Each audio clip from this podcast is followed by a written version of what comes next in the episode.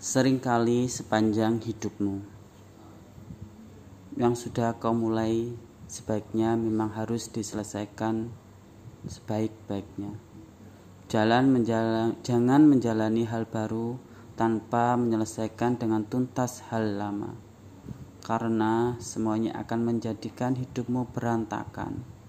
Menjadikan masalah bagi hal baru yang kau pilih juga akan menyakiti dengan lebih sesuatu yang tak kau selesaikan tersebut.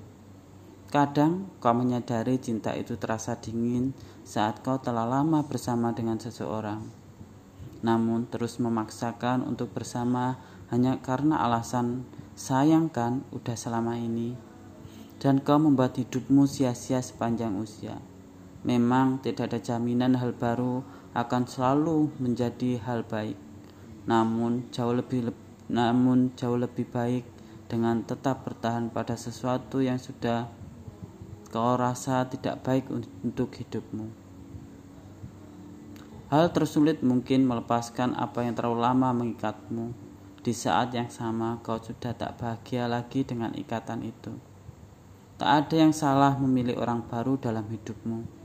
Toh, mencintai bukan berarti menyerahkan seluruh hidupmu pada orang yang tak lagi kau cintai. Asal kau menyelesaikan segalanya dengan benar, tak ada salahnya. Jangan memulai dulu sebelum semuanya selesai tuntas. Karena cinta yang kandas sering kali menimbulkan imbas yang tak menyenangkan. Mencintai memang perihal berani mempertahankan, tetapi pada kesempatan, kesempatan lain bisa jadi keberanian yang melepaskan.